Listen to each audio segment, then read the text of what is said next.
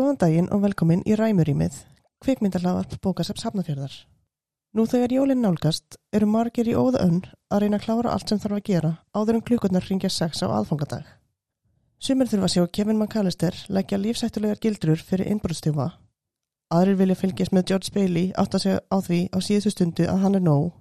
Og svo eru þau sem vilja brjóta hjartaði sér í miljónmóla þegar Emma Thompson grætur undir dabalegum tónum Johnny Mitchell.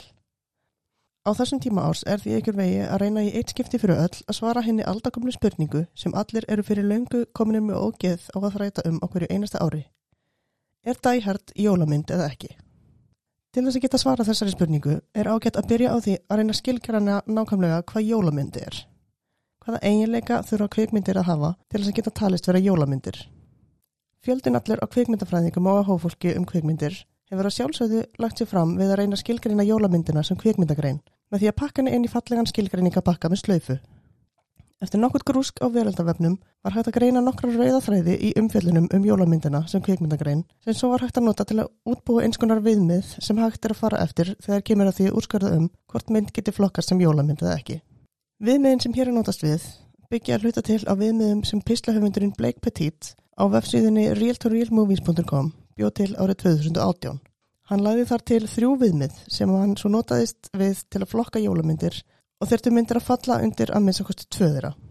Að auki var bætt við tveimur viðmiðum sem komi hvað oftast fyrir í einhverju formi í henni óformlegu rannsókn sem var gerð við gerð þessar þáttar. Viðmiðin sem notast er við hér eru því alls fimm talsins og til þess að teljast til jólamynda þurfa myndir að falla undir að minnst okkurstu þrjú af þeim. Númer eitt. Jólamyndir þurfa að eiga sér stað í kringum jólinn eða á jólunum eða einhvers konar hliðstæðri hátíð innan sögu heims myndarinnar. Sem dæmi um þetta var má nefna allar hálmark jólamyndir en einni Hogfather og Star Wars Christmas Special. Númið tvö. Jólamyndir þurfa að innihalda að kosti eitt jólamóment. Það er að segja fallega senu sem lætur áhrufundarum hlýnaðum hjartarætur. Hér mátti til dæmis nefna endan á It's a Wonderful Life sem á teiknumyndinni Jóla og Skörnubellu. Númið þrjú. Jólamyndir þurfa að innihalda jólalag eða jólasálm. Númið fjögur. Jólamyndir þurfa að innihalda að minnst að kosti eina jólapersonu eða jólavætti. Til dæmis jólasveinin, jólaálf, krampus, grílu og þess aftar. Sem dæmi um slíkar myndir mætti nefna Santa Claus, Elf, Krampus og The Grinch. Númer 5. Jólamynd þarf að fjalla um að minnst að kosti eitt jólatengt þema. En jólatengt þemu geta til dæmis verið kærleikur, von, trú, fjölskylda, gjafmildi og þess aftar. Myndir á borðið Love Actually, The Holiday og Happiest Season falla allar undir þetta viðmið. En að Hard sjálfri.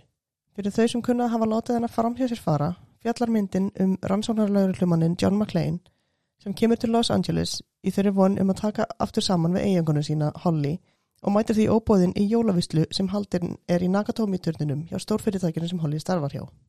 Á meðan John er einn einn á skrifstufu Hollyar að hafa sig til fyrir visluna, mætir hópur af þýskum hriðiverkamönnum undir fórustu öfgamannsins Hans Gruber á svæðið og tekur alla gesti vislunar í gíslingu með það að markmiði að ræna mark 100 miljón dólar að verði af óreikjanlegum skuldabrjöfum úr fjárhæslum fyrirtækisins. Svo heppilega vil til að John er sá eini sem ekki lendir í klóum hriðiverkamannana, heldur laumarinn sér undan og reynir að ná sambandi við laurugluna. En þegar það hefnast ekki sem skildi, löggur hann þessi stað upp með að reyna að klekja á gleipagenginu og taka meðlimi þess úr leik einn af öðrum. Þetta gerir hann að sjálfsögðu eins og bandarískum lauruglumönnum einum með lagið, með yfirdrifnu ofbeldi og blóðsúthællingum, en einnig með fjöldamörgum nýttum tilsvörum og eftirminnilegum frösum.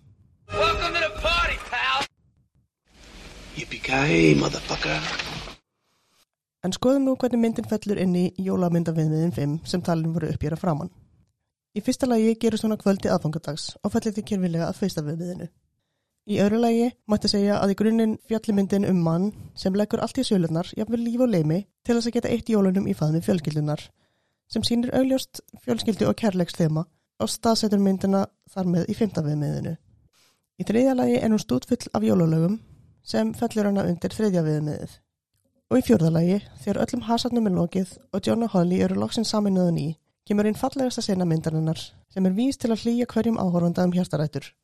Þegar Holly kýlar upp á þrenginni fréttamannin. Die Hard nær þar með fjórum af fimm viðmiðum sem gerir hana þar af leiðandi sannlega að jólamynd. En þó eru alltaf einhverjir sem vilja ekki flokka Die Hard sem jólamynd. Þau rauk sem oftast hafa verið nefnd gegn því að flokka myndina sem slíka eru helst af þrennum toga. Í fyrsta lagi að hún kom ekki út um jólinn. Nei, vissulega var myndin frumsýnd í júli árið 1988. En við nota á frumsýningadag sem rauk gegn því að flokka myndir sem jólamyndir þá þarf einnig að henda út myndum á borðið Miracle on 34th Street 11. júni, Gremlins 8. júni og Holiday Inn 4. ágúst. Í öðru lagi nefna margir að myndin sé of ofbeldisfull til að geta talið sem jólamynd. Svo verður sem þetta fólk standi í þeirri trú að glæpir ofbeldi stoppi bara af því að það eru jól. Þó svo að fjölmarkar rannsóknir hafi sínt fram á að ofbeldisglæpum eigi það þarst á móti til að fjölga yfir hátíðarnar.